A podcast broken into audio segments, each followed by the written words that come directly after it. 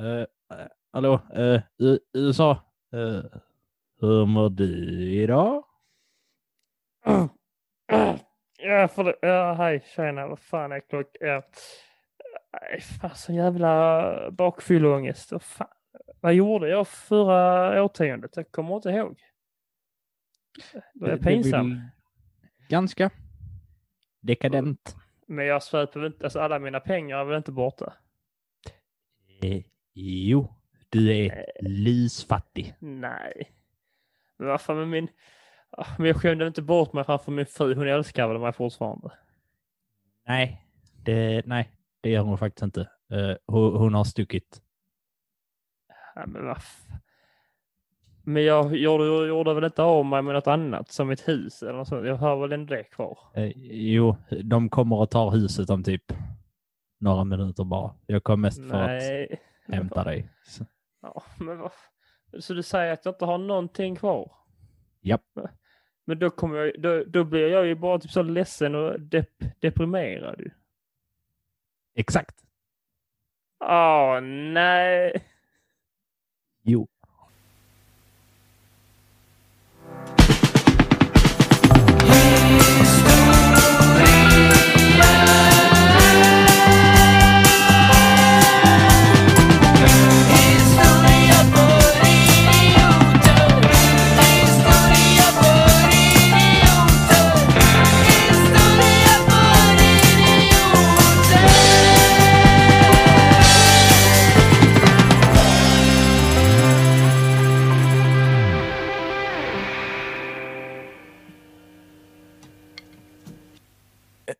Då säger vi hej och hjärtligt välkomna till Historia för idioter. Historiepodden som gör historien lätt och rolig. Välkommen hit lyssnare och välkommen min gode vän Theodor Olsson. Jag erkänner inget. Hej. Du erkänner inget. Bra. Theo har ju precis varit i domstol för eh, olika brott. Det, ja. det gick inte så bra där när han fick reda på sin depression. Så. Olagliga olagligheter. Ja, massa olagliga olagligheter. Nej, det har jag inte. Hur, eh, hur står det till med, med dig, min djupt kriminella vän? Jag mår bra. Eh, jag lever ett väldigt fridfullt och laglydigt liv trots uh, utseende, höll jag Jag vet inte. Trots ja, men... ja. Och ja, själv. Ja, jag mår bra. Trevligt så. Själv då? Uh, jo, jag, jag mår bra. Jag, jag, känner inte att jag behöver prata som att polisen uh, lyssnar på detta. Uh, jag, jag, jag, har ingenting att dölja. Nej, det är bra. Då har, vi, då har vi fått det alltså, ur vägen. Du har inget att dölja och jag har inget, tänker inte erkänna något. Fast, visst hade det varit fett om de, de sitter typ några Säpo-agenter och så har de ett sånt vet, stort mixerbord och massa sladdar där de stoppar in hörlursladden för att hitta eh, så här, rätt ljudvåg och sen så bara pop, får de in här och så bara Va? Den här killen verkar jävligt mystisk. Ta in honom! Jag säger att han ser olaglig ut. ja. Han har erkänt det själv, han ser olaglig ut. På tal om olagligheter så är det så osäkert på vilken sida av vägen man ska gå på för många.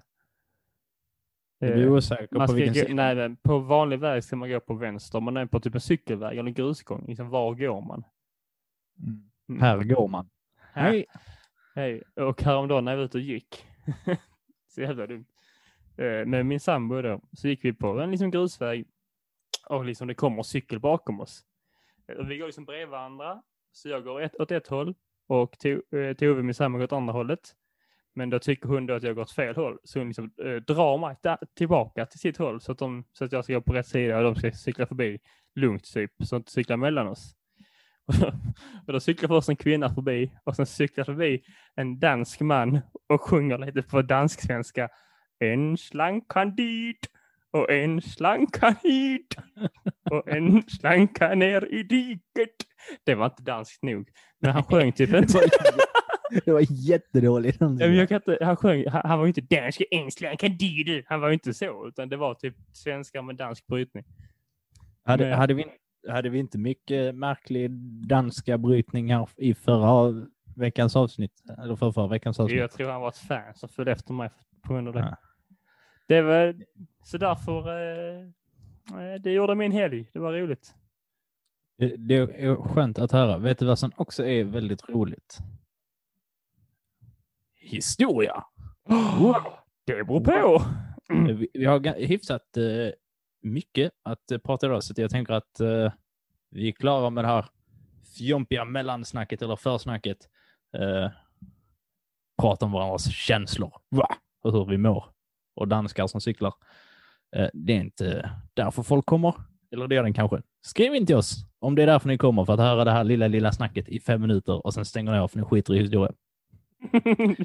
Just det, Om- vi har någon som bara lyssnar på detta här i början. De har jättekort pendel, så de lyssnar på sketchen, introsången och lite så här försnack. Tio minuter och sen bara oj. Oj.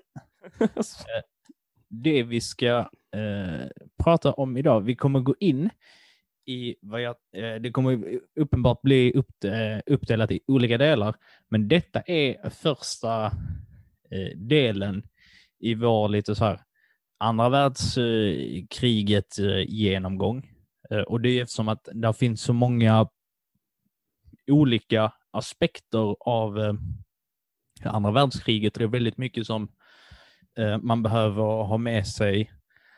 Liksom så här, det, det händer så pass mycket på olika fronter så att vi har beslutat att vi delar upp det i olika delar så att det ska vara så eh, lättförståeligt och eh, både, både lättförståelig och djupgående samtidigt utan att det blir eh, på tok för omständigt. Så detta är då första eh, delen där vi ska börja prata om eh, depressionen som, redde, som rådde efter det glada 20-talet och sen så ska vi prata om Hitlers väg till makten. Så detta är liksom part ett i den här eventuella trilogin, kvadrologin, vad det nu kommer att bli av. Så eh, det har ni säkert redan sett för att det här eh, avsnittet kommer säkert heta part 1, någonting, någonting. Eh, så att ni är väl förberedda. Så kommande avsnitt kommer ju då ha ett andra världskriget-tema. Det låter väl svinekul, Teo? Det låter fräckt. Då ökar ju, vad heter det, våra lyssnare säkert. För det är rätt många som är intresserade av andra världskriget av någon anledning. Uh, ja, det, det är många som... Vi kanske kan uh, prata lite kort om det innan vi dyker ner oss fullständigt. Men jag tror att det beror lite på uh, att det ligger, det ligger så pass nära i, i tiden med andra, alltså, med andra världskriget. Och efter dyningarna med kalla kriget och Sovjet mot USA har ju typ levt ända in till 90-talet.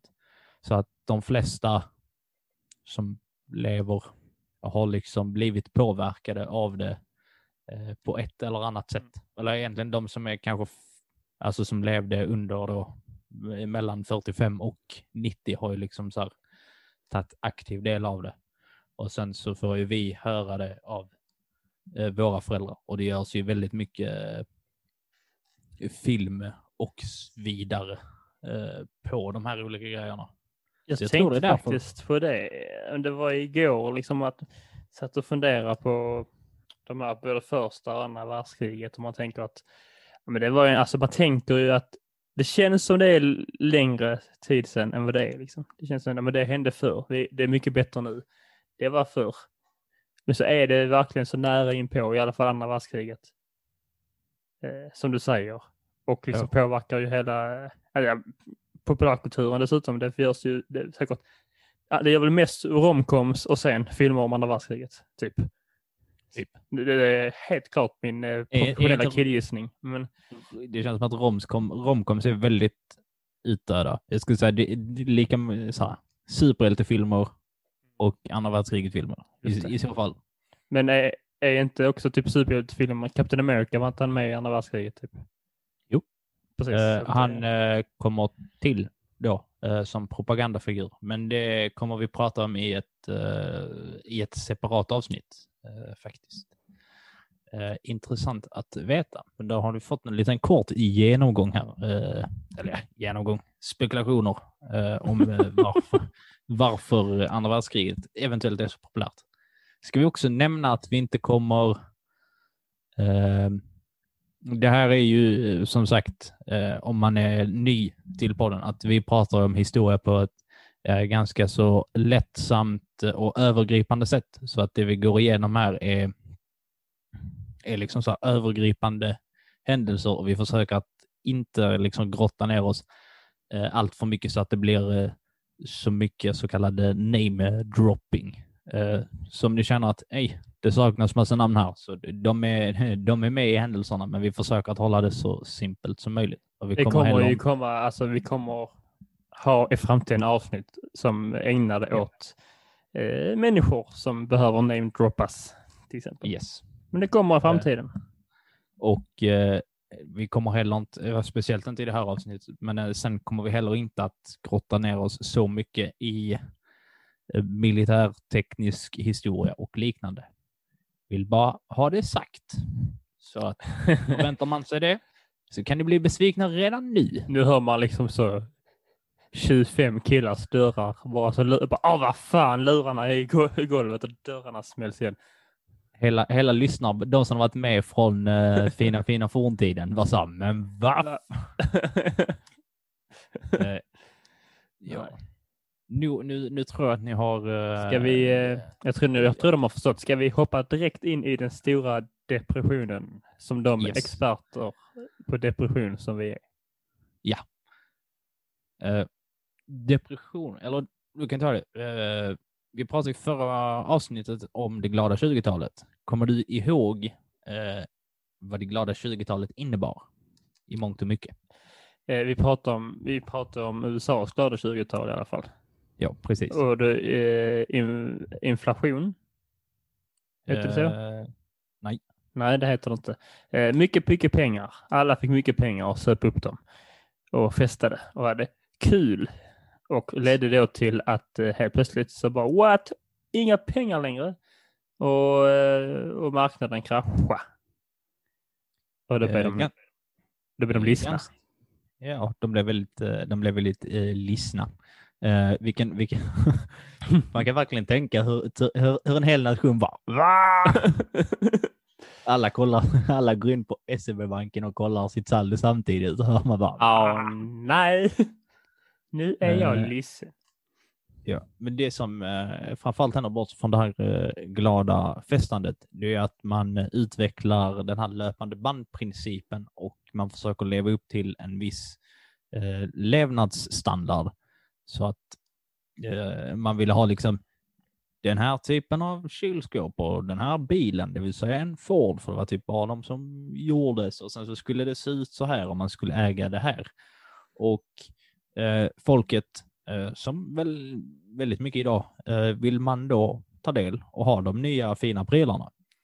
Eh, så att folk, eh, eller människorna gick och liksom belånade sig för att ha råd med den här lite högre levnadsstandarden och det var inga problem fram tills eh, då dels att börsen eh, kraschade, men sen framför allt så hade, alltså folk hade, hade inte råd eller behovet av att eh, köpa eh, produkterna mer. Eh, vilket ledde till att eh, alltså alla företag och industrier fick ju, gick ju i eh, konkurs eh, direkt i, egentligen. Så det fanns eh, väldigt mycket utbud men väldigt, väldigt liten efterfrågan. Så att eh, varorna blev helt enkelt sålda. Alla gick back folk fick sparken och när folk får sparken så får de inga pengar och har de inga pengar så kan de inte gå och köpa och då går nästa i konkurs och sen så eh, håller det på så. Så till slut eh, så är en fjärdedel av eh, USAs befolkning eh, arbetslösa, ganska många människor. Eh, och det som egentligen eh, räddar dem helt ur den här deppiga situationen, eh, det är att man, precis som efter första världskriget, så har man klarat sig som eh, ekonomisk stormakt ganska så bra jämfört med alla andra länder som är sönderbombade och måste bygga upp så att man har liksom ett stort eh, eh, övertag jämfört med de andra. Men sen framför allt och kanske det mer kända är att eh, ska vi säga, Franklin Roosevelt. Det är rätt Roosevelt så att jag inte säger den andra Roosevelt, de är ju två, eh, kommer på ett liksom nytt ekonomiskt eh, system eh, som han då kallar the new deal. Och eh, känner du igen det? Känner du igen detta? Nej, ingen aning. Har ingen aning. Ingen aning. Det är då egentligen att eh, staten eh, börjar skapa eh, jobb efter behov egentligen. Eller inte efter behov, det är snart tvärtom. Alltså att man till exempel kommer man på att hej, vi kanske ska bygga en, en väg här, fast egentligen inte behövs bygga. De, alltså, de skapar behov inte. menar du? Ja, de skapar behov och de skapar jobb. Mm. Så att då blir det så här, ja, då har vi ett stort så här, byggarbete som måste göras. Då anställer vi massa byggarbetare och sen så tjänar de pengar och sen så går de och konsumerar, vilket gör att de tjänar eh, alltså affärerna och industrierna mer och då kan de producera mer, eller inte producera mer för det behöver de inte i det här fallet, eh, men då kan de anställa mer för att det behövs och eh, då kommer fler in i arbetet. Så att han, han uppfinner det lilla systemet så att ekonomin och arbetsmarknaden börjar... liksom jämna ut sig. Eh, så Jaha. egentligen är det i korta drag om deras eh, ekonomiska lilla depression. Desto värre är det för eh, eh, stackars eh, Tyskland som Men du, innan du fortsätter om eh, Tysklands eh, depression, eh, som Tyskland verkar vara en ganska grå nation. Eh, mycket, ind- mycket industrier. Men ja, eh, så vad var det under eh, eh, det glada 20-talet som du pratade om förra avsnittet som var ljug? Jag har suttit här nu i tio minuter och sitter på, på nålar som man säger. Jävligt onödigt kanske, men ska Ja, jag få rätt? Jag har lagt in oddsen här, odds, jag har bettat 200 kronor. vad, vad gissar du på att det var? Eh, jag vet inte, jag kommer inte ihåg vad jag bettade på. Eh, jag kastade en pil på, eh, ja, skitsamma. Uh, det var inget ljug. Jag glömde säga ljuget. Ja, men vad fan. Det är illa. Här sitter vi och håller på och försöker vara kontinuerliga. Sitter du Ja. och skriver all, gör allt innehåll och sitter jag och blir sur på dig för du glömde en sak. Så bör det vara. Japp. Förlåt. Det, Men, det är eh, denna gången. Det är svårt att hitta på ljug och emellanåt så är man så noga med att få med eh, all, eh, all fakta. Det är så sant. Att, det, är, Så att det är det- ju bättre att vi glömmer ljug än fakta. yes. Till ditt försvar. Nästa avsnitt ska vi bara ha ljug. Okej, men nu ska, du, en, nu ska du prata fakta om eh, det gråa Tyskland under 30-talet. Yes. Eh, inte ett jätteroligt ställe att vara på för, eh, för någon. Eh, men efter första världskriget eh, så samlades de inblandades makter och sen så gjorde man då ett fredsavtal i Versailles som nu kallas Versaillesfreden. Och bland de viktigare eller så lite kändare betydelsefulla punkterna där är ju att Tyskland ska betala ett jätte, jätte, jätte, jättestort skadestånd. Alltså vi snackar jätte, jätte, jätte, alltså Grekland har inget i statsskuld jämfört med den här skulden de ska betala. Det är helt omöjligt att eh, de ska kunna betala detta för att de ska i stort sett eh, eh ja, alltså de ska ju betala för att kunna bygga upp eh, de andras eh, länder igen. Och det kan ni ju själva tänka, det kostar jätte, jätte, jättemycket pengar. Eh, och det Tyskland då gör då, för att de är jättesmarta, och då tänker man, hur gör man om man ska få jättemycket pengar? Teo. Mm, eh, ja, det finns olika vägar man kan gå och inte för att eh, bygga upp eh, den här lilla synen om att jag skulle vara eh, kriminell eller se kriminell ut så kan man ju stjäla pengar. Eh, men är man då en stat så antar att man då stjäl dem via skatter av sitt folk.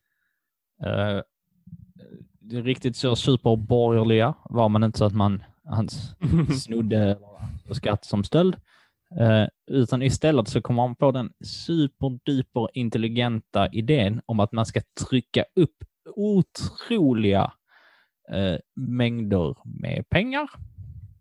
Och eh, då ska man ju dels ha, Eh, för att under den här tiden, alltså detta är i början på 20-talet i Tyskland, eh, så har USA eh, lånat eh, dem lite pengar och försökt hjälpa, eh, hjälpa dem så pass mycket som möjligt.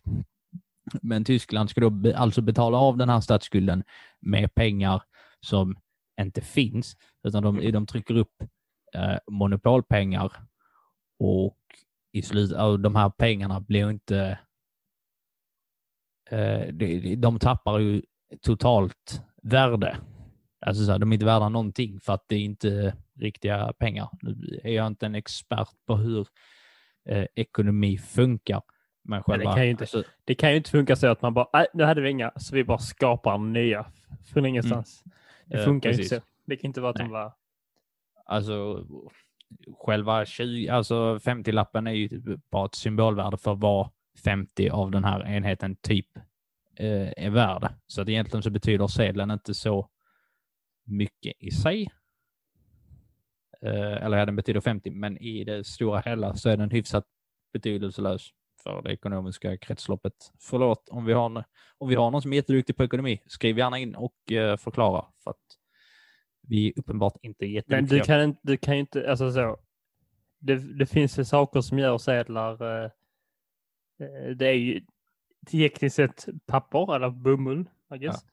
Eh, har egentligen inget värde, men så är det någonting vi låtsas ju att det har värde och man då hittar på, så men nu hittar vi, trycker vi ut fler pappersbitar och så säger vi att de har ett värde, men det kommer ju resten av världen bara så, men inte för oss.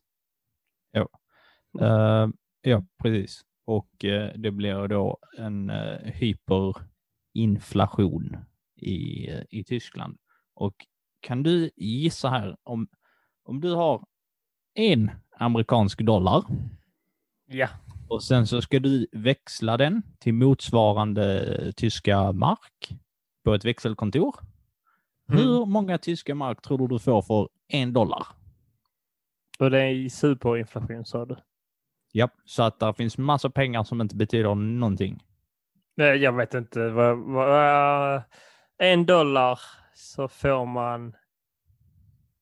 Jag försöker välja om jag ska gå jättemycket upp eller jättemycket ner. Jättemycket upp. Okej, där får man tre miljoner mark. Du är inte nära för fem öre. Då får du ungefär fyra biljoner Åh mark. jävlar! Nej! Så att eh, folk eh, fick eh, gå runt med, alltså de fick lägga alla sina, alltså massa, massa, massa, massa sedlar i skottkärror för att här, kunna gå ut och köpa en halv limpa bröd. Och det, då kostar en halv limpa bröd typ så här fem, 15 biljoner. Så att där, där, finns, eh, där finns bilder man kan se där det var, alltså där, det, det är tråkigt för att folk eh, svalt i, liksom ihjäl, folk hade inte jobb och Ja, vi Ja, behöver inte kunde- försvara varför vi tycker bilden är rolig när det går folk med skottkärror med pengar. Ja, men man ser liksom så att det är uppenbart folk som svälter och så är liksom markerna fyllda alltså, med sedlar. Det är ironiskt. Bokfjord sa att det var billigare att torka sig efter man varit på dass med sina pengar än att köpa dasspapper. Varför sålde inte folk dasspapper? Eh, det gjorde de säkert. Och sen också att själva pappret, alltså själva ett tomt pappersark av det pappret som du trycker pengarna på var värt eh, mer än själva pengen som du tryckte det Hur på. fan funkar det? Eh, ja, alltså det är inte så att du kan komma in med ett tomt pappersark och bara hej, jag vill ha fyra brödlimpor.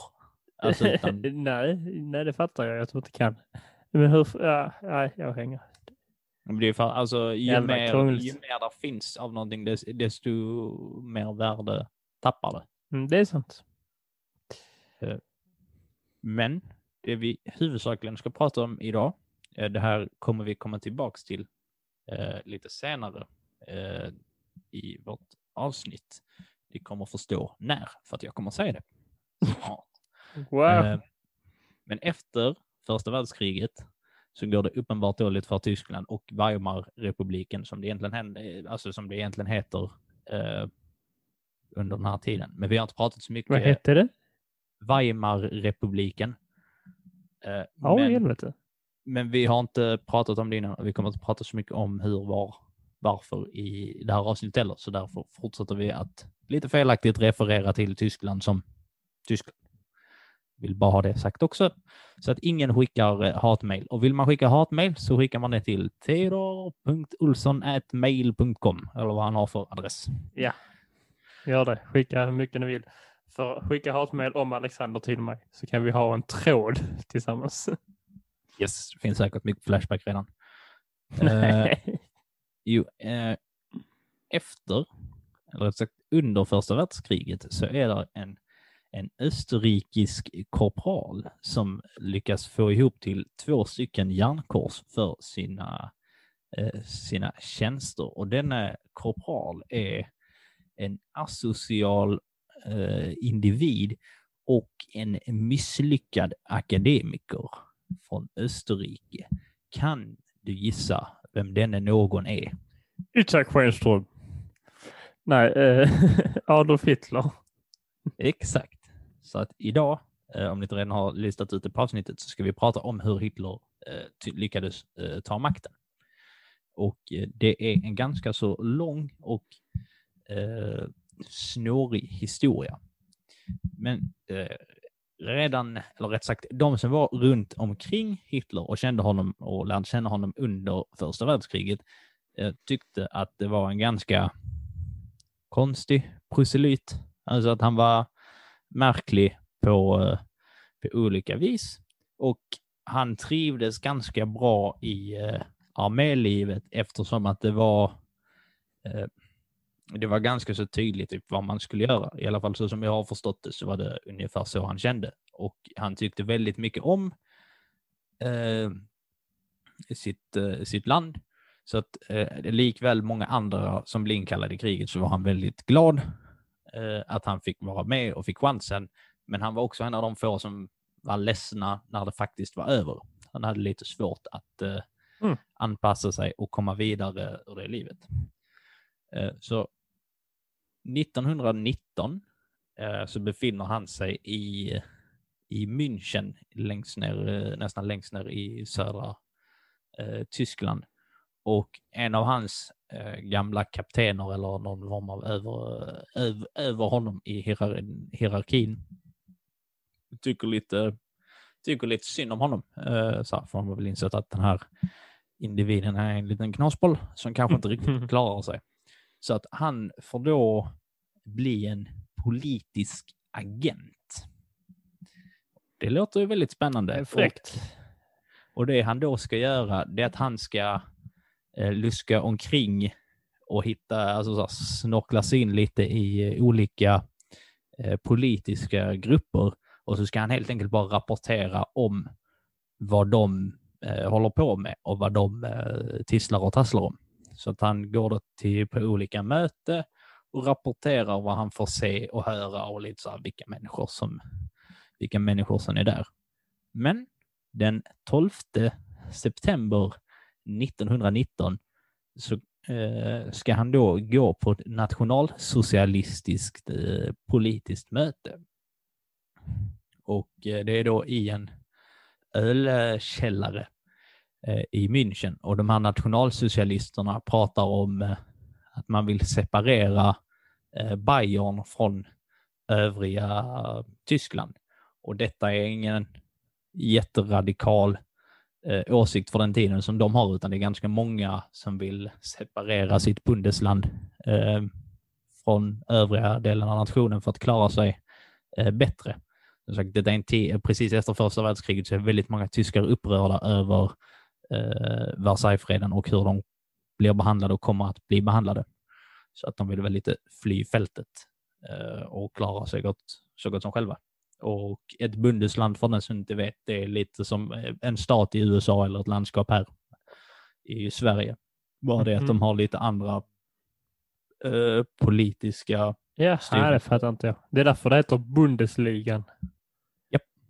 Ah, och det är alltså deras fotbollsliga. Yes, precis. Fotbollsexperten Fan. är då. Ja, ja. Men under det här mötet eh, så kan då eh, politiker, agent eh, Hitler inte sitta tyst, utan han reser sig upp och sen så håller han ett, eh, ett långt föredrag eh, och tal om varför man inte ska eller varför man inte ska då separera Bayern från Tyskland, utan varför vi ska stå, eller varför vi ska stå, varför de ska stå eh, som, ett, eh, som en enad nation. Och de som då hör på eh, blir väldigt övertygade av honom och han blir, han blir då till och med inbjuden till att eh, gå med i partiet. Så att Adolf Hitler blir medlem nummer sju i det tyska nationalsocialistiska arbetarpartiet, även känt som NSDAP, även känt som nazisterna. Nazisterna. Så att han gick med där, eh, eller blev medlem redan Oj, 1919. fan vad- det är ganska tidigt ändå. tidigt. Och så medlem nummer sju. Han är en väldigt tidig medlem. Det, det är också värt, eh, alltså så här, man, man tänker ju ofta på alltså världskrigen som två lite isolerade händelser Ja. eh, som är hyfsat långt ifrån för att det är ju typ 20, 20 år eller 20-30 år mellan första börjar och andra slutar. Men man kan också se det som ett långt eh, händelseförlopp, vilket det rent krasst är. Och speciellt när man tänker här att här, första världskriget slutar 1918 och sen så typ ett år senare så är liksom Hitler med i eh, nazisterna och börjar sin lilla mot- resa Mot makten, ja. Redan där. Så att det är väldigt, det är väldigt snabba puckar. Och hans politiska intressen byggs på eh, av händelser efter första världskriget, så att säga. Ja, han eh, propagerar, det börjar han propagera för lite senare, men han pratar bland annat om Versaillesfreden som eh, en eh, dolk, eh, alltså en dolkstöt eh, i ryggen som man då har fått av vinnarmakterna och sen så eh, konspirerar han även att det är eh, judar som har varit med eh, med den här dolkstöten i den, i den tyska ryggen. Och det här är ingenting som Hitler egentligen är jättekreativ med att eh, hitta på, utan det, det är ganska många tyskar som har den bilden vid den här tiden eh, redan. Och det, det är en ganska så lång eh, invecklad historia i sig, men under eh, 1850-talet typ runt om i europeiska städer. Vi pratade lite om detta under industrialismen avsnittet så har det eh, emigrerat folk med judisk härkomst in i städer och länder och folk för att de är uppenbart rasistiska för de har aldrig sett andra eller så har de inte mött andra människor och andra kulturer som de tänker att de är usch. Och sen så gör man då eh, getto och sen så blir det någon form av konflikt eh, mellan. Så att Det bygger Det här- sig mycket i nationalismen och via dem. Ja, precis. Filosofin. Liksom. ja, så att han är inte, när, när han kommer med de här idéerna på det här mötet, bland annat, så är det ingenting som är, det är inget som är jättenytt Eh, för dem, utan många andra tänker och känner redan det, utan han bekräftar ju typ bara att jag tänker och känner som er. Och en annan som tänker och känner som eh, Adolf är en man som heter Alf, eller hette Alfred Rosenberg. Eh, och han är, eller han var partiets teoretiker.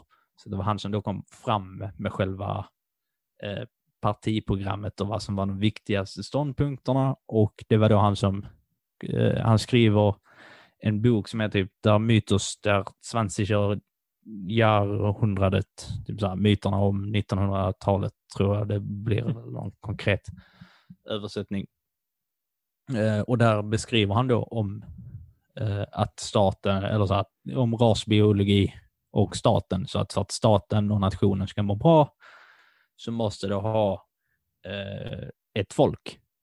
Eh, och det folket ska helst vara ett germanskt folk eller ett nordiskt folk och absolut inte ett semitiskt folk. Och ett semitiskt folk, det är ju då eh, det judiska folket. Så han skriver då kommer fram eh, till att så här, tysk bra, jude dålig, bu, eh, är egentligen mer eller mindre det han skriver. Eh, och han får också skriva i en bayersk eh, tidning som heter eh, Völkischer Debatter, tror jag det talas så. Jag har skrivit väldigt, dålig, Titta väldigt, på mig. väldigt otydliga anteckningar här, men i det är essensen en eh, tidning i, eh, i, I Bayern. eh. Eh, där de då pumpar ut sin propaganda och skriver då artiklar om eh, ja, alltså olika debattartiklar och propaganda om att så här, det, tysken är bäst, eh, de andra bu, bä. Och då får de också utrymme och en plattform till att kunna eh, sprida, sprida sitt eh, budskap. Media är ju en stor del av det politiska. Ja. Så, Och, ja, vad skulle du säga? nej, jag skulle inte säga någonting. Jag, berättar du vidare om eh, Alfred, Alf Rosenberg, vad han heter. Skönt att du vet att jag kommer ihåg efter två sekunder. Jag hade inte så mycket mer att eh, säga om honom. Var han Eh, tysk och hette Rosenberg? Ja, det är väl, det är inte jättemärkligt. Rosenberg. Nej, kanske inte. Eh, Men Hitler bör också framföra stora, Eh, stora tal eh, och får ett ganska, eh, ganska så stort följe och det blir allt fler och fler som då hör honom och redan har samma tankar eller typ känner att oh nej, varför går det dåligt för mig i samhället? Och sen så kommer då Hitler och med sina pampiga tal och säger det är inte ditt fel som tysk, utan det är, så det är Frankrikes fel, det är Englands fel, judarnas fel. Så det är de ni ska vara på, ni har inte gjort något fel. Tysken är bäst, men vi har blivit eh, så här, mistreated. Och sen så har Hitler ganska så eh, snabbt, han är väldigt manipulativ och ganska smart, får man ändå ge honom, oj då, eh, att eh, han eh, eh, spelar ut eh, de andra liksom så här, lite i partiet och skapar sig själv lite fördelar så att han själv kan Eh, komma till, eh, få så mycket makt som möjligt. Eh, för honom så är det liksom det viktigaste är inte hur man tar sig till makten eller vilka medel, utan det viktiga är makten. Och har man lite den, har man, har man det tankesättet så är det egentligen ingenting som stoppar en från vad man skulle kunna göra. Så att han har, får ganska fort hyfsat stor makt och inflytande. Och han började hålla eh, de här stora talen som jag misstänker att folk har sett där han liksom står eh, uppe i något, eh, på någon balkong och så talar han ner till folkmassan. Eh, och han vet han vet hur han ska prata för att få med sig folket. Så bland annat så kommer han alltid liksom, han kommer alltid sent till talarstolen. Så har han sagt att talet börjar klockan ett. Så kommer han typ tio minuter över ett. För att det ska liksom bygga upp eh, en stämning hos eh, eh, publiken. Och sen så då när han går fram och ska börja liksom så här gå fram till micken och så börjar folk vänta på att han ska prata så tar han god tid på sig för att stämningen eller så här, spänningen ska eh, öka ännu mer.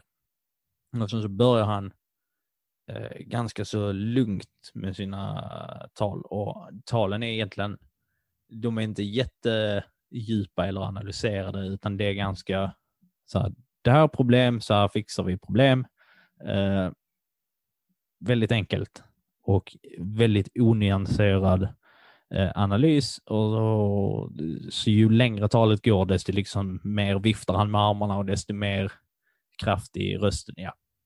Eh, och pekar och viftar och skriker och har sig så att han verkligen eldar på folk så att när folket går därifrån så har de minst de den där elden och passionen och tar med sig typ tysk god jude by Mm. eh, från eh, de här. Och sen så spelar han då eh, pampig, eh, eh, pampig musik så, här, så att folk ska känna att det är lite så här eh, eh, nästan som att man är på något eh, Colosseum liknande på så här, romartiken och att nu kommer en, en man som är liksom förhöjd. Han är liksom står över oss både bokstavligen att han står på balkong men även liksom i något eh, religiöst perspektiv skulle man kunna säga. Det kunde låta typ lite så här.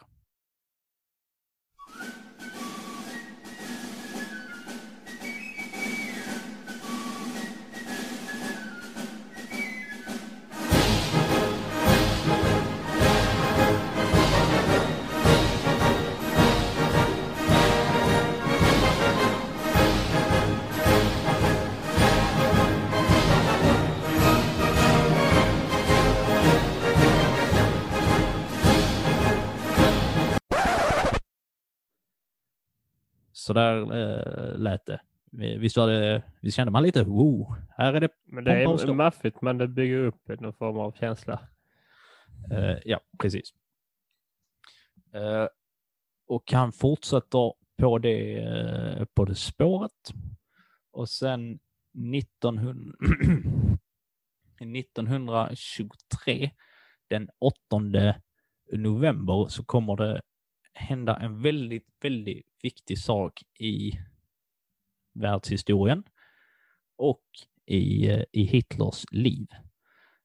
SS, eller nazisterna, eller nationalsocialistiska arbetarpartiet, vad man nu vill kalla dem, de har planerat att göra en statskupp mm. i München.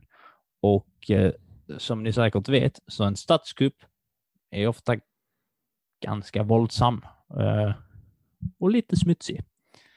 Eh, så man har setts ihop på, vid en ölkällare och då har man då börjat diskutera de här liksom slutgiltiga detaljerna inför kommande statskupp som ska då ske under eh, morgondagen eller natten. Och det man då ska göra är att man ska storma ett eh, riksdagshus, eller vad man ska kalla eh, regeringsriksdagshus i, eh, i München och eh, på det viset ta, ta makten. Så för att då behöver du inte bry dig om röster. Så har du tagit makten har du tagit makten. Just det. Eh, problemet det är att en av eh, eh herrarna som är inblandade eh, alltså han ringer och liksom rapporterar eh, Eh, till någon polismyndighet eller försvarsliknande om att eh, Hitler och kompani eh, de kommer att försöka göra en kupp eh, i natt. Eh, var liksom beredda. Eh, så för det kommer hända, annars blir det, annars blir det tråkigt för alla inblandade. Eh, så att han snitchar på dem. Och sen så sticker då Hitler med bland annat Göring. Han var med redan på den tiden. Han har varit med länge. De ger sig då ut med ungefär 2000 alltså armerade SS-soldater för att ta över den här byggnaden. Men de möts av ännu fler liksom, poliser och eh, Men, soldater som står och... Är det inte, det bör ju han anses vara kriminell, Hitler. Eller ha typ så diplomatisk immunitet. Typ. Nej, vi, vi, vi kommer till det alldeles strax.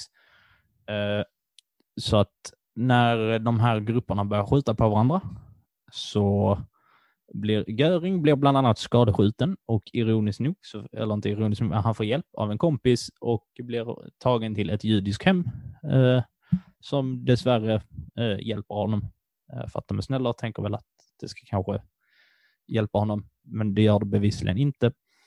Och eh, Hitler flyr också fältet ganska så fort så att den här ockupationen eller revolutionen som han själv kallade Hitler eh, misslyckas ganska så brutalt. Och han flyr då till veckans rövhål.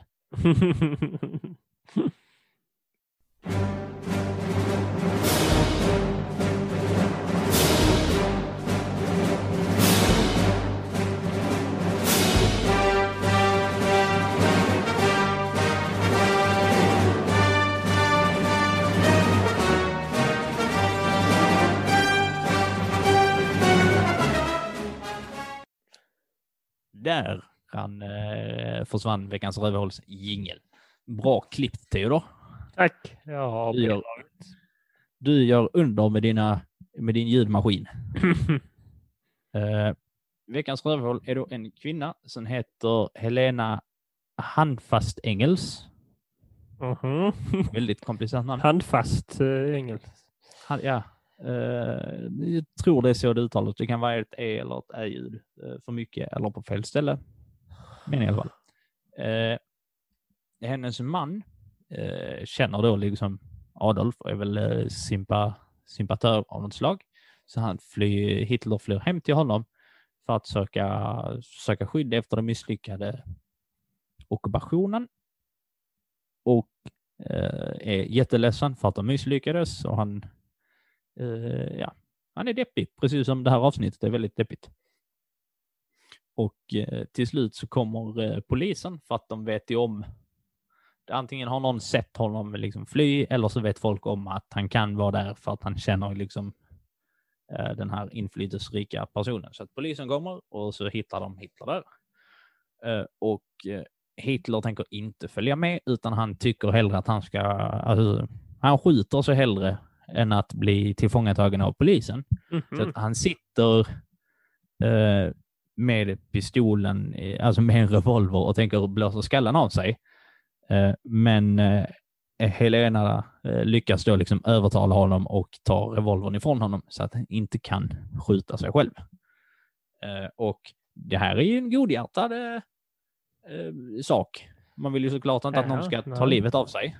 Eh, men hon blir i veckans rövhål eftersom att hon förhindrar hon hade kunnat förhindra eh, vad som skulle komma. Ja. Eh, Men det kan inte hon veta. Det är väl lite taskigt Det- mot henne.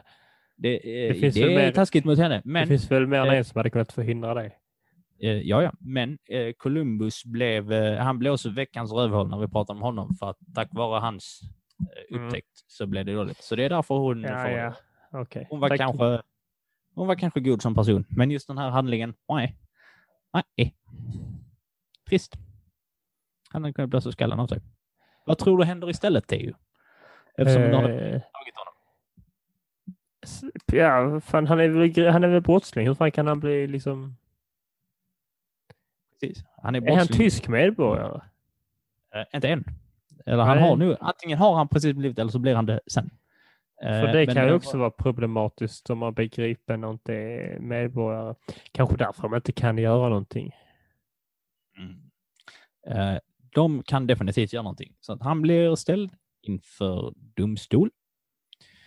Eh, och det är liksom supertydligt så att det här är en landsförrädare som håller på med någon politisk kupp och försöker ta Mm. makten med våld.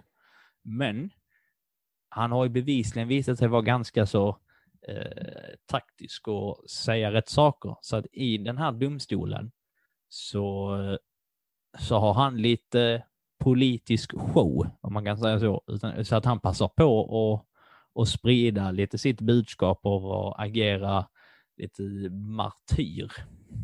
Eh, och pratar om så här, "Ah, nu kommer det här och det här hända med Tyskland för att ni gör så här mot mig. Att ni inte kan se det själva. Ah, vad ni är dumma. Ah, Dummkopf. Eh, Så att det här sprids ju i tidningarna för att det här rapporteras ju stort i hela landet, vilket gör att han ökar, eh, han, alltså hela det här budskapet sprids liksom direkt till folket. Eh, och folk, de, eh, så han har inte varit superstor utanför de södra delarna av Tyskland, men nu blir han liksom superstor Mm. kändis.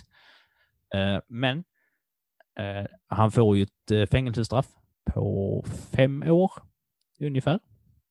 Oj, det, jag hade ingen aning att han har suttit i finkan. Jag tror det där var så här common knowledge. Ja, du sitter inte jag på den då? Eh, nej, men den här fängelsecellen som han sitter i är ganska så bekväm. Han får liksom eh, en trevlig säng och sen så får det komma gäster och hälsa på honom. Mm. Eh, för att Hitler har liksom inflytelse, han har väldigt inflytelserika vänner. Så att det är liksom, det går inte nöd på honom precis. Eh, och han får också ett bord och penna och papper.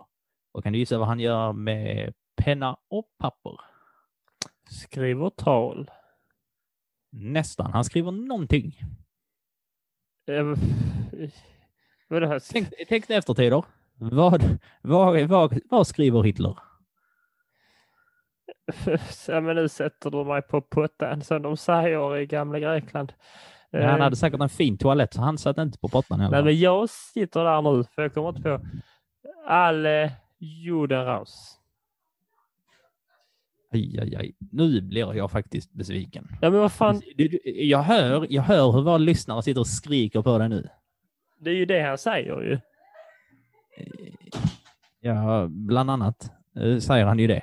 Men var står de här tankarna nerskrivna? V- Var har han skrivit? Jaha, ett manifest. Ja, och det nazistiska manifestet. Heter det det? Nej, Nej. vad heter, vad heter Ja, hans? Det är ju, det här är kanske världens mest kända bok efter Bibeln. Dock inte med samma budskap helt rakt igenom kanske, men Dock inte så här. Jag har ingen aning. Jag vet inte. Jag ska stå här bakom hans- våra lyssnare och som lyssnar får ta reda på att jag som ni vet inte. Många av er vet säkert. det, det, Jag vet när jag hör det. de vet garanterat. Du, han har penna, papper och så sätter han sig ner och skriver något och så ska jag veta Han skriver exakt vad han skriver. Han skriver om bok. bok. Ett manifest. Va- Och vad heter, vad heter boken? Vad heter manifestet? Mein Kampf. Just det. Alltså, Helt ärligt, jag hade kunnat leta. Jag vet, jag vet ju om att han har skrivit den boken och så. Men i den här situationen har jag kunnat leta hur länge som helst. I min lilla sån inre, i min, mitt inre bibliotek. Jag hade inte hittat den. Jag hade hittat någon kalanka pocket långt innan och fastnat där. Kalle Ankas kamp. och nu har man Eh. blivit uthängd som idiot i uh, etern. Ah, Yes. Alltså Eh. är denna podden för mig. Rolig kuriosa, men den blev, Mein Kampf blev bästsäljande i Turkiet tror jag det var. Antingen så var det 2005 eller 2015. Är inte det helt sinnessjukt? Eh, för att den, den är ju Historieintresset i Turkiet kanske är enormt. under ett år så de bara, ska inte alla bara gå och köpa Mein Kampf nu? kanske ingick i eh, läroplanen. Nej, men den har ju, alltså den här boken består ju av eh, olika teorier som han har och han skriver även lite dikter, lite roliga skämt. Eh, och egentligen eh, det är väl ett, jag vet inte hur tjock den är, den är väl typ kanske 100, 100-150 sidor och det är liksom rent så här, tysk bra, jude, bi. Så att han sitter alltså och skriver liksom teorier och om just varför Tyskland eh, mår bättre utan judar och varför han inte tycker om judar. Och sen nästa sida. Eh, en tysk, en österrike och en jude gick in på en bar. tysk, eh, så börjar han dra ett jävla skämt liksom. Ja, men, alltså jag tror inte det är skämt eh, som så. Eh, men du, du förstår själva principen. Alltså, det är en, det är en propaganda, propagandabok eh, som han skriver under sin tid i fängelset och sen så släpps den och säljs när han har eh, kommit ut och kommit in i det politiska spelet och blir en, en riktig kioskvältare och förbjuden i vissa andra länder av förståeliga skäl. Mm. Eh, jag, jag vet inte om det är så att man kan... Jag tror man kan få, alltså så här, man kan få tag på den i eh, alltså så här, ny tryck eh, nu för tiden. För att det är liksom, det är ändå ett eh, alltså historiskt eh, verk. Ja, man, man kan köpa den. Eh, Så att om, om, om, någon lyssnare känner att jag vill läsa och se vad det här är, eh, så gör det. Vi fick, när jag gick i skolan, eller jag går tekniskt sett fortfarande i skolan, men när jag gick i, på högstadiet så fick vi läsa utdrag när vi jobbade om detta. Eh, och eh, det är ganska eh, spännande läsning. Jag vet inte om man kan få tag på den på bibliotek. Är det, är det här första gången någon har lämnat ut Mein Kampf som ett boktips? ja, men det är väl rent historiskt. Alltså om man läser den med eh, eh, alltså utan ögon som, alltså så, man ska inte läsa den tänker jag vill lära mig något eh, nytt, eh, nytt tankesätt liksom. Det är ingen filosofibok du ska gå hem och grubbla över riktigt. Utan det är mer i, av historisk kontext. Och den finns att köpa eh, för cirka 300, mellan 200 och 300 kronor. för cirka 88 kronor. Och man, då bidrar man alltså inte till eh, Adolf Hitler utan till något bokförlag. Eh, ja. Eh, Jag vill också bara ha det sagt så att ingen tror det, så att jag, jag- jag, jag stöttar inte honom. Jag vill bara ha det sagt, alltså rent för eh, historievetenskapliga nyfikenheten. Så Mm. det, det finns möjlighet om man vill. Just Men nu är det inga problem. men om- tänk, tänk om liksom, eh, nu, tänk om liksom så vi, om vi skulle få någon viral hit. Eh, och, skulle bli, och så kan de gå tillbaka här och cancella dig. För du har sagt att, läs, du kan klippa ut, läs Mein Kampf. Hit, så har sagt, du har säkert sagt Hitler och bra en gång. Läs Mein Kampf. Hitler bra. Ja. Nu har jag sagt det i, i rad så det behöver du inte klippa. Så, det var det du som på det istället. Attas. När han då eh, kommer ut i början på eh, 30-talet så har den eh, ekonomiska depressionen verkligen liksom så här eh, börjat pika och bli riktigt, riktigt allvarlig. Så det är nu vi kommer tillbaks eh, till där vi började i avsnittet. Så att det är Tyskland med eh, tyska tanter som går runt med skottkärror fyllda med så här, flera biljoner tyska mark för att kunna köpa en halv brödlimpa. Det är det Tyskland som han kommer ut i. Och av förståeliga skäl, nej, det, är inte jätte, alltså, så här, det är inte jätteroligt att, eh, att bo där.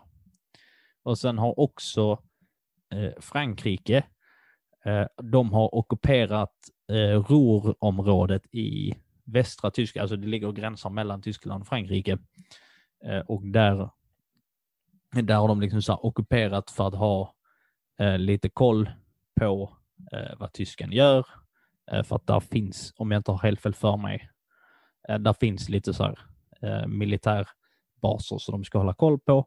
Och då börjar tysken protestera genom att ingen får gå, så här, ingen får gå och jobba där, eh, hålla er borta, så att situationen blir ännu, ännu värre.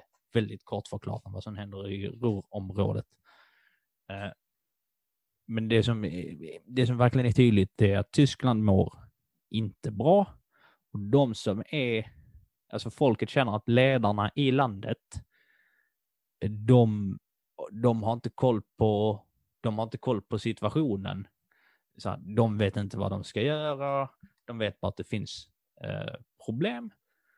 Och eh, man bör ganska så unisont leta efter så här, kan någon bara Mm. snälla komma med klara besked på vad det är som gäller, så här, vad vi ska göra för att komma ur skiten. Och vem kommer ur fängelset då om inte den asociala opportunisten Adolf Hitler som gör allt vad han kan för att komma till makten. Alltså så ska jag höra, mm, detta vill folk höra, jag säger det. Ja, så att egentligen säger han, han säger, fortsätter egentligen bara säga det han har gjort eh, tidigare. Mm. Sen kommer tillbaks och sen så tar han då eh, eh, makten i eh, SS 30, nu ska vi säga, början på 30, jag tror det är 33 han tar det helt. Nej, det måste, nej, det är innan 29 måste det vara. 29 är det, för det är 10 år innan första världskriget börjar. Så är det. Eh, Andra världskriget börjar. Ja, andra världskriget började 39, så 10 Ja, år innan. ja, skitsamma. Ja, precis. Ni som Eh, hörde, ni hörde bra text. Ja, så att han kommer då ut och fortsätter med sina tal, egentligen precis från början. Och sen så har han då fått sprida sitt ord och han blir egentligen den eh, typen av eh, person som eh, folket lite har så här letat och hoppats på. Så här kommer en kille med ful frisyr, ful mustasch och säger Och säger väldigt som det är. eh, förresten. Jaha. En sån kille han kommer ut så är han så riktig, alltså så här, riktig gottegris. Mm. Han äter massa kakor typ hela tiden. Jag kan tänka mig att han äter sådana eh, franska marm alltså marmeladkulor. Fan det. Kan se, Svingod. se Hitler som riktigt grå person. Bara sitta och äta sådana färgglada kulor. Så bara, när han tar en sån så sticker den verkligen ut. Liksom med han i bakgrunden. Det fastnar lite som gelé i mustaschen. Sitter och slickar på. Eh, Men det han då gör, det är så här för att alla är alltså, rädda och arga under den här tiden. Så att han börjar då, istället för att eh, ta alla på en gång och till så här, vi ska vara, eller han säger att vi ska vara ett enat Tyskland, men han enar Tyskland egentligen genom att ljuga eh, för allihopa. Så att när han pratar med, arbeta, eh, med arbetarna, då är han, då är han, då är han jättekommunist. Alltså så då är han för arbetarna och bu kapitalister. Och när han pratar med industriägarna och bankmännen, då är han bu kommunismen, ja kapitalist. Så att han fångar, eh, fångar med sig alla. Fördelen med att inte allting filmas. Eh, Så att han, ljug, alltså han, han ljuger ju folk rätt upp, eh, rätt upp och ner, men han får ändå eh, med sig dem. Och så då när han har fångat dem i sin, eh, inte så ofta knutna hand, utan det var ofta ut. eh, så bör han då fortsätta med sitt generella eh, budskap om det dolkstöten och hur det tyska folket har blivit svikna i Versaillesfreden. Eh, och vi ska klara oss ur det här tillsammans. Und so weiter. Und so weiter. Eh, och till slut eh, så blir han, eller till slut så blir det val 1930 och då får eh, nazisterna 18 procent av eh, folkets röster. Ganska skaplig summa.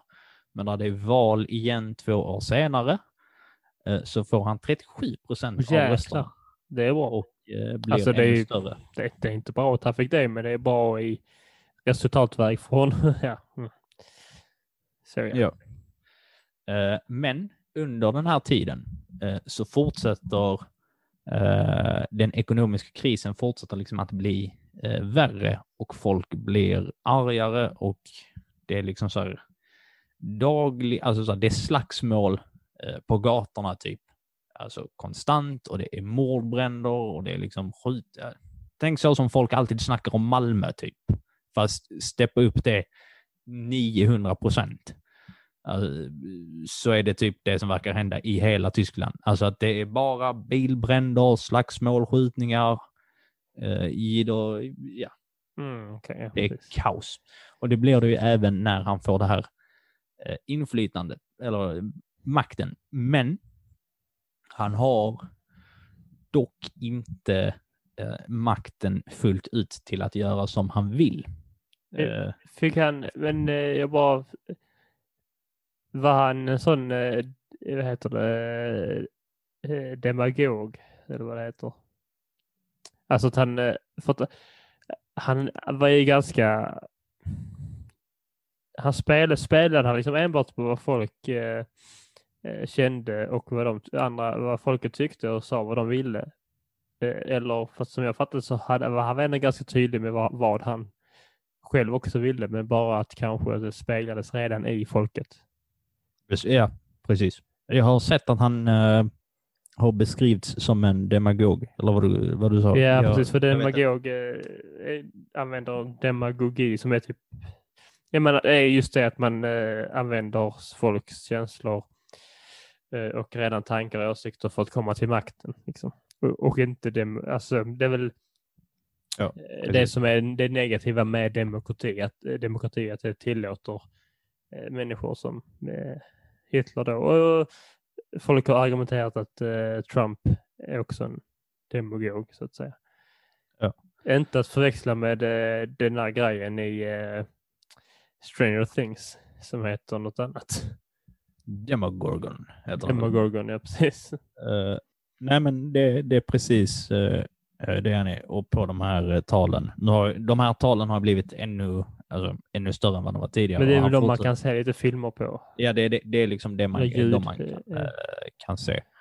Eh, och där har han en ganska så enkel, eh, enkel princip och det är att han har alltid rätt. Mm. Och alltså om, motståndare, om någon motståndare skulle våga eh, säga emot så är det liksom så här, avbryt dem, kasta ut dem, gör sig av med dem. Så här, de ska bara väck, väck, väck. Och liksom så här, ingenting ska vara nyanserat. Utan låter det är ju som Trump nu när vi pratar om så här, det. my way or the highway. Uh, alltså det är verkligen på den eh, nivån som man håller det. Så att Hmm. till viss mån så kan man väl säga att han mer eller mindre hjärntvättar in ett helt folk i, eh, i det här. Men det skulle säga, eh, när han har mak- eller när han har fått de här 37 procent eh, rösterna 1932 så har de ju, då befinner sig Tyskland fortfarande i en eh, parlamentarisk stat. Jag antar att du kan förklara det bättre än vad jag kan. För du är väl Ja, det borde jag kunna. Eh, men eh, inte just idag. Och där tackar vi för det här. Eh, nej. eh, men det är ju så som att uh, ett eh, par- parlamentarisk stat jag, ska, jag, ska, jag har liksom examinerats på detta. Jag återkommer. Hör ni det Skolverket? Jag, känner mig, jag känner mig väldigt mycket som Erik Niva i, i hans podcast When We Were Kings, där, han, där de pratar om olika eh, säsonger eller kupper eller upplagor av lag. Och sen så ställer han en fråga till sin poddkollega, till så här, ja, För minns du vem det var? Ja, Och så är det typ någon så här obskyr chilensk spelare och han typ bara, nej, jag vet inte. Så bara, "Ah, du vet inte. Typ. Det, jag känner att jag gör så väldigt ofta. ja. Typ, alltså så. Eh, absolut. Jag skulle Eh, typ men- behöva eh, två minuters liksom så påminnelse eh, så att jag inte blandar ihop de olika sta- statsformerna. Jag har ju bara jämfört den svenska staten med den amerikanska staten. Amerikanska staten är en eh, sån, vad heter det? Alla- Eh, tack. Eh, parlamentarisk stat, precis. Eh, men när du bara kastar mig, för jag sitter och lyssnar på dig samtidigt som att jag eh, eh, ibland eh, eh, fastnar på saker du säger och sånt, så bara skickar du frågor som jag borde kanske kunna svara på. Jag hoppas innerligt att mina lärare inte lyssnar på detta. Eller Skolverket. Ja, men så länge jag kan det sen när jag jobbar så lugnt. Ja, ja. Ja, ja. Nej, men de, eh, de har då liksom eh, eh, partier och sen så har de en eh, rikskansler och en president. Så att ingen, så ingen kan bestämma allting själv och inget parti kan heller eh, liksom så här, ha full majoritet. Så det är ett demokratiskt uh, samhälle. Men Hitler vill ju inte dela makten med någon annan för att måste han dela makten med, alltså där finns ju fortfarande en väldigt, väldigt stor grupp av tyskar som är emot Hitler av uppenbara, uppenbara skäl. Så för att folk ser ju igenom honom och känner så att det här kommer inte mynna ut i någonting gott och det finns massa framförallt eh, socialistiska och eh, kommunistiska eh, politiska grupper och partier som aktivt jobbar emot honom och tidningar och så vidare. Men vi, vi kan säga att de egentligen är veckans eh, hjälte. Med tanke på att allting är så dystert och mest mörkt när man pratar om Hitler så skrev jag ingen veckans hjälte. Men det får bli dem.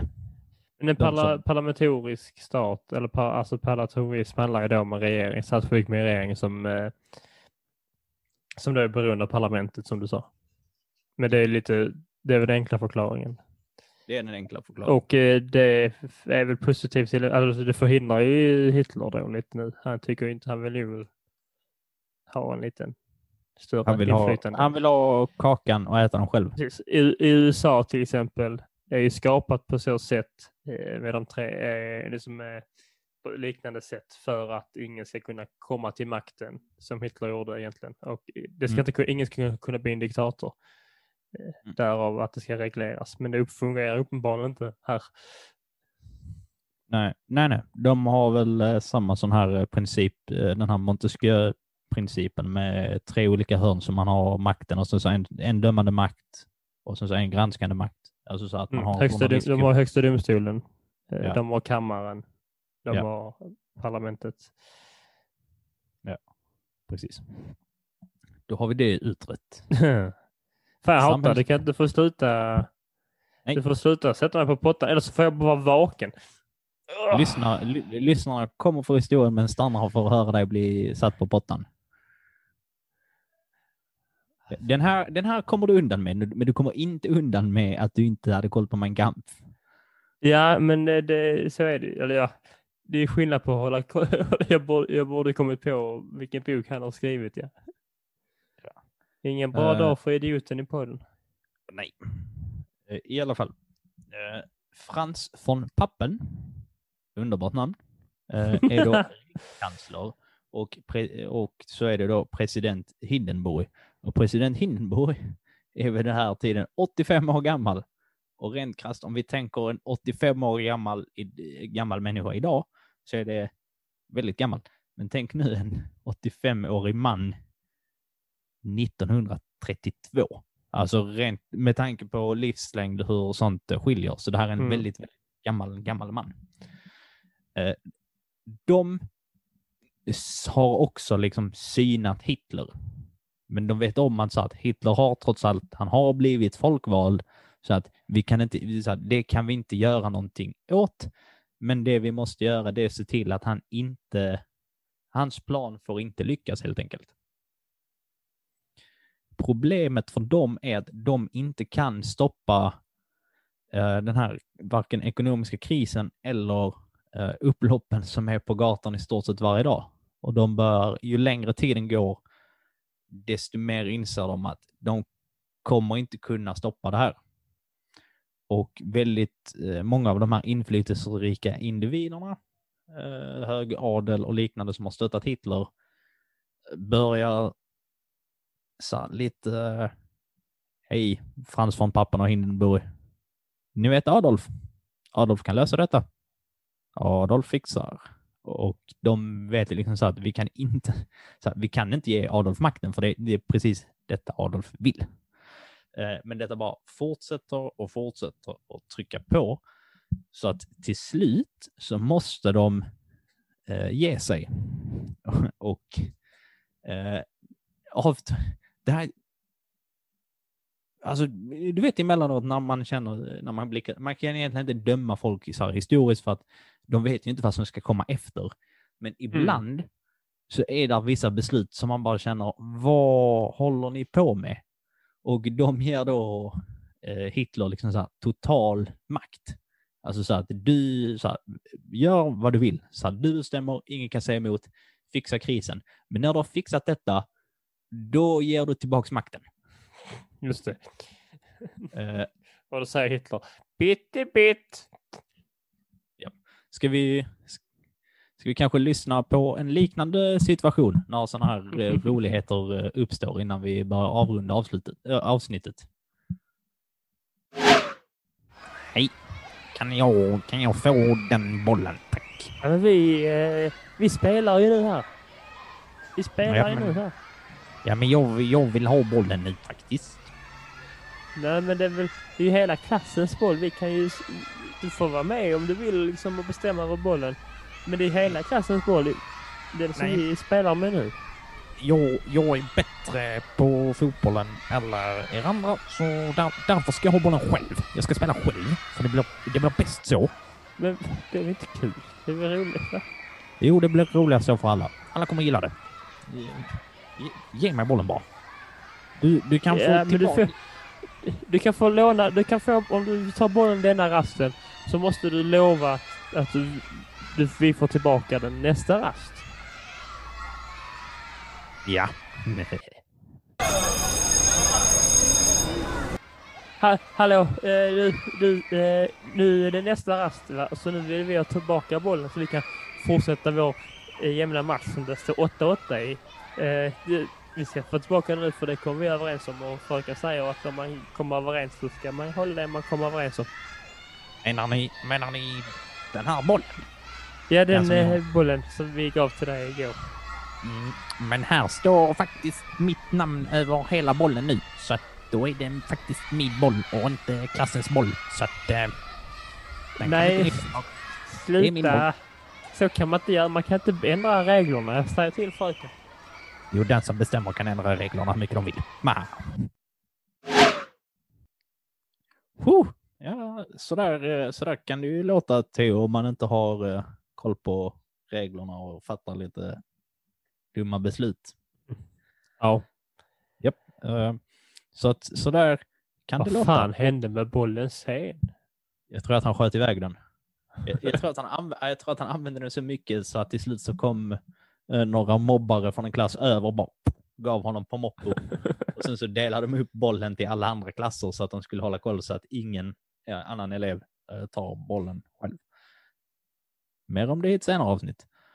Uh, I alla fall, Hitler får till slut makten och det sägs att den 85-åriga gamla Hindenburg, att när han blev väldigt sjuk, alltså han låg verkligen hemma i sängen och så ska han då ha, ha kallat, alltså så här, bett om att då ringa rikskansler så att rikskanslern ska komma på besök, liksom så här, för han vill ha honom där.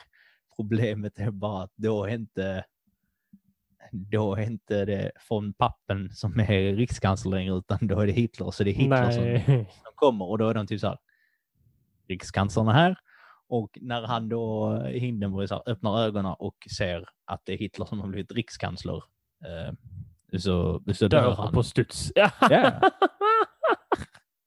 Eh, Ja, ja, ja. Det är inte bra att jag gapflabbar efter meningen, då dör han. nej, det kändes väldigt morbid och lite äckligt. Eh, men eh, Hit- Hitler ordnar förresten sen en ganska så stor och pampig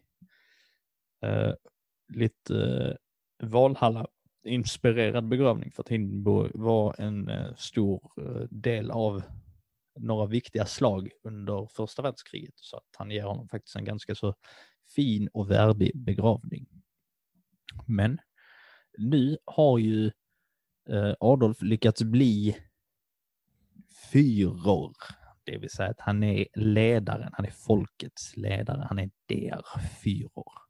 Men han är fortsatt väldigt, eh, så, även fast han har, har den här tiden på pappret så känner han att där är fortfarande många eh, som inte riktigt tror på hela den här eh, nazistideologin och som är aktivt emot honom.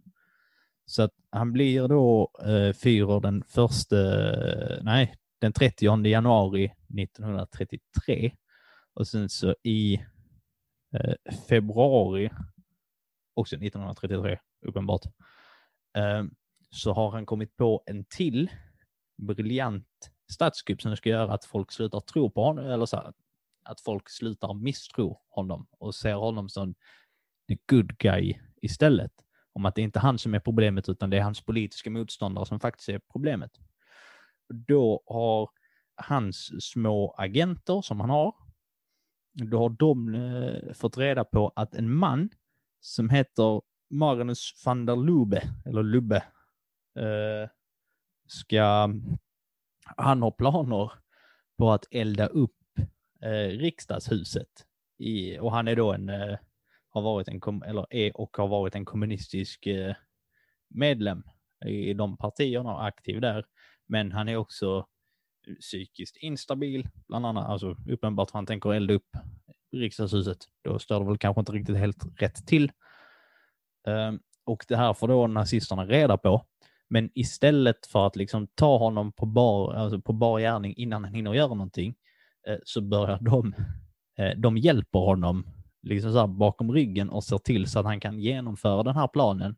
Och sen ser de till så att ingen, ingen är liksom i huset så att ingen kan bli, bli skadad eller något sånt där. Men de ser till att spara eh, planer och ritningar och annat eh, som han då har förberett för det här attentatet. Så att när då han sätter eld på hela stället så är dels eh, brandkåren har problem att komma dit för att det är väldigt halt eftersom det är februari och vägarna eh, är inte jättebra. Och sen så kör de också fel, vilket är ganska roligt att tänka på. Alltså så här. Så här, det är riksdagshuset som brinner och ni kör fel. Precis som han livvakten i, som skulle Just köra Frans Ferdinand. Ja. Bara, "Ah, nej, jag svängde fel och nu blir han mördad. Eh, så att hela riksdags... eh, Det som var, åh, slottet i Stockholm brinner. Ah, vilket av dem? Vadå vilket av dem? Är du dum? Så här, menar du Burger King? Dig! det? Tjocka brandmän. Eh, nej, så att eh, det brinner då eh, ner och eh, då har ju nazisterna bevis som de kan lämna över till eh, polisen som då styrs av Hitlers medkompanjon Göring. Mhm. Eh, och det är inte typ så här, kolla vad, så här, kolla vad kommunisterna håller på med. Försöker elda upp oss när vi är i huset. Fy fan. Eh, och här finns det då, eh, av rimliga skäl så finns det ju såklart kon- alltså olika eh, konspirationsteorier. Det går inte att exakt eh, säga vad som är sant eller inte. Det är många som eh, påpekar att de kanske har haft, eh, alltså att de har, alltså att det är de som har gjort själva planen från början om att vi ska elda upp riksdagshuset och sen så pekar vi på någon annan och sen att man har haft någon kommunistisk dåre, eh, eller kanske inte dåre, men någon som inte kan försvara sig själv riktigt. Mm. eh, liksom anhållen sedan tidigare så kan man sen bara, det var han. Det var han som gjorde det.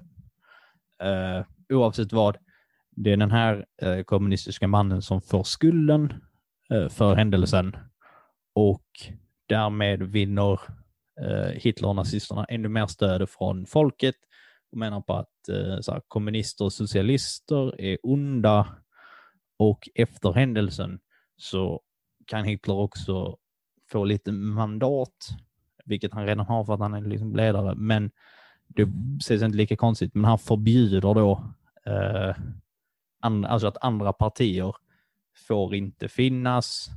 Eh, och så, socialism och kommunism är helt förbjudet.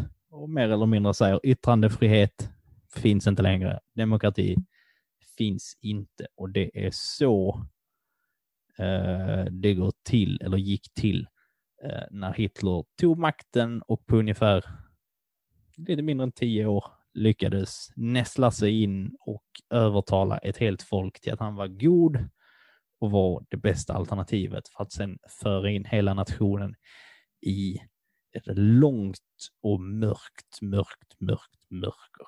Väldigt enkelt förklarat över väldigt lång tid. Hör i bubblan vad han höll på länge för det här. Ja. Men, Säger man vill eh, man lyckades. Ja, det gjorde han av den här tanken också att eh, om man, ja, precis, eh, om det var enda viktiga var att man kom till makten och inte hur, så hade han någon form av frihet i det att han förmodligen inte hade skuldkänslor. Visst är du för, eh, vill veta något väldigt roligt? Eh, har du sett, eh, eller det har du säkert, men du har sett bilder på Hitler. Han har ju så väldigt taskig kroppshållning. Och ser jätteliten ut. Ja, en liten Men- kortis. Ja, men han Eh, var, ja. det sägs att han var typ runt 1,70, men egentligen, eh, så av bilder man har kunnat se från förr så var han typ 1,80. Men det att han klädde sig i lite för stora eh, kläder och hukade sig ganska så rejält för att se lite vekare ut än vad han faktiskt var. Så att folk eh, inte skulle se honom som ett hot, utan han skulle vara, ses som en vänlig och snäll figur. Intressant. Och på det viset lura, lura hela eh, folket. När kom Alltså- den här alltså, svastikan in i bilden? Eh, den kom ganska tidigt. Den hade eh, partiet typ nästan redan från början. Alltså, ja, okej. eh, det var hans idé, men den kommer ganska tidigt.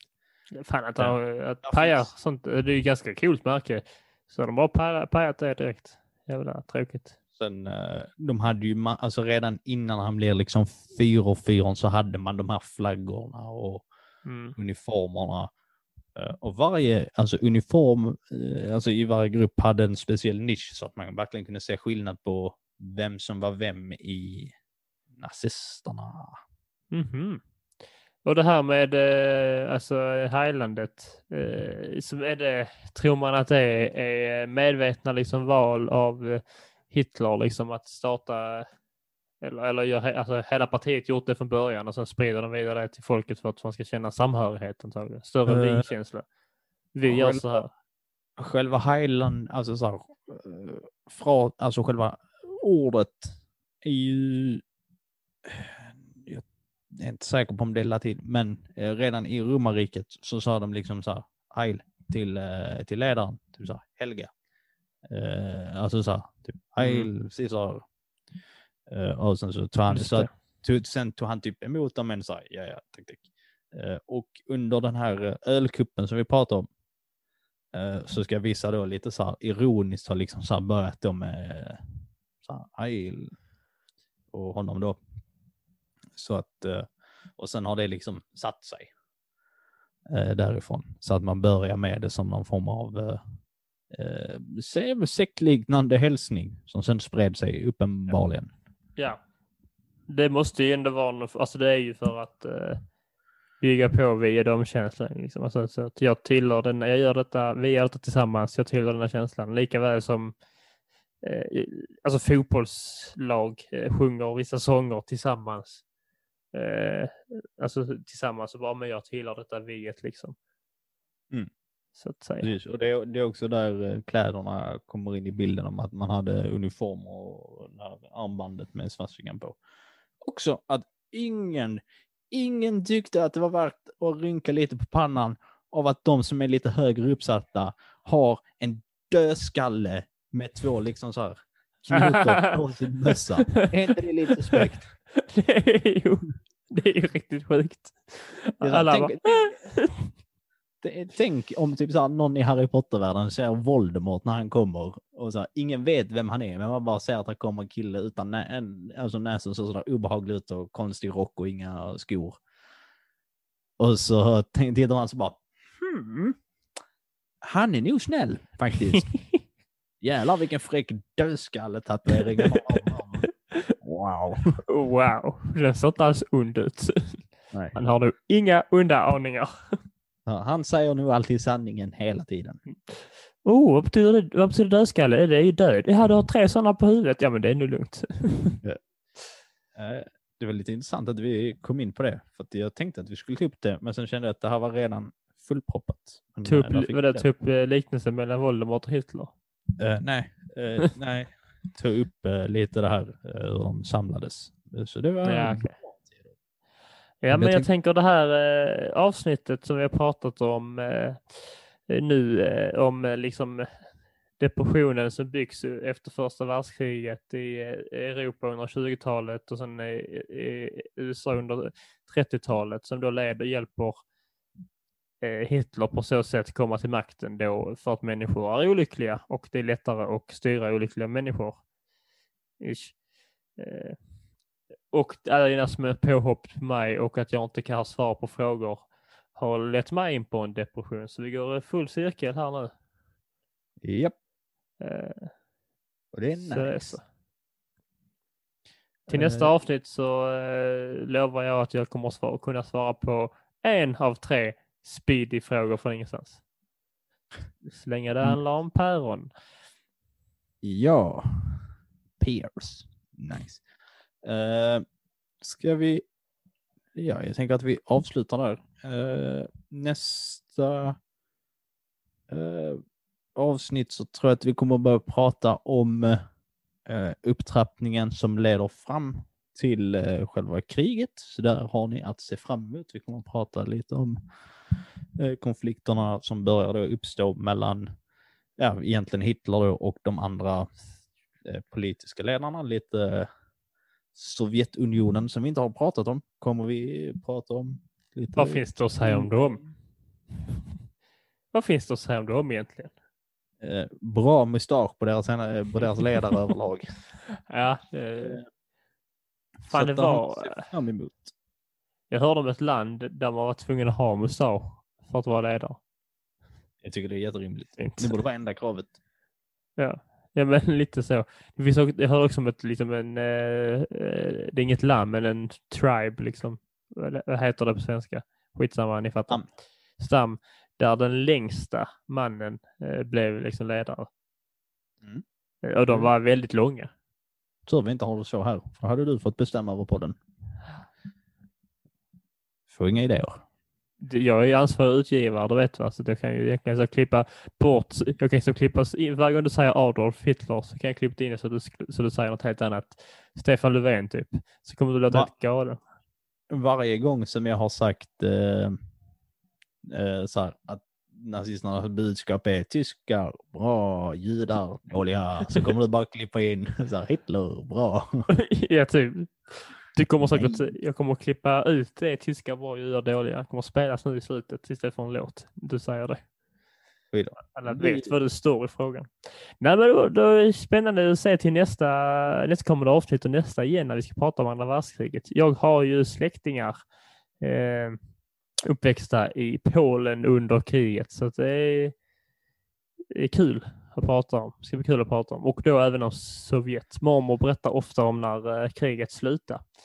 Eh, och då säger hon eh, eh, Då säger hon eh, att eh, det var så fint när kriget slutade. Alla spelade eh, musik på gatorna och det var dragspel. Alltid, jag vet inte varför dragspel är viktigt, men hon säger alltid dragspel. Och det var dragspel och det var dans och sång. Och sen går hon ner i liksom tonläge och ser riktigt sur ut och säger Sen kom de jävla kommunisterna. Och det kommer vi mer på in på nästa avsnitt. Kanske inte Nästa avsnitt. igen. Kanske inte riktigt då heller. Oh, what the fuck. det blir långt där. Eh, Men tack för att ni har lyssnat. Kom ihåg att gå in och följa oss på Instagram. Där är vi aktiva. Vi heter äthistoriaforidioter. Och sen, vad ska man också göra till Följ oss på TikTok om man är inne där. Och där vi är smått aktiva. Där lägger vi också ut om man när det kommer nya avsnitt och kanske lite sketcher.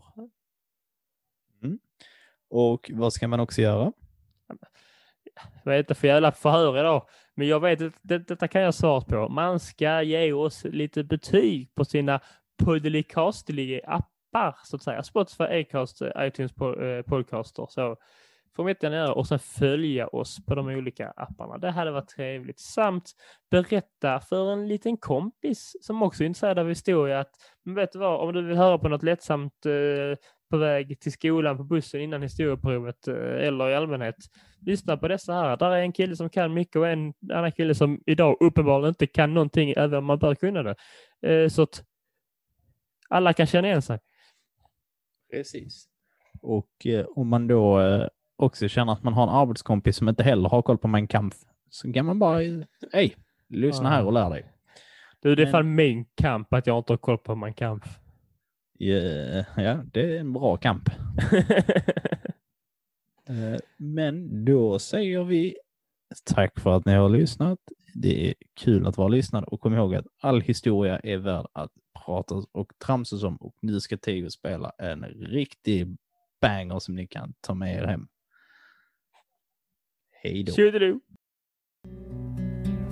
Did, did, did, did you see the frightened ones?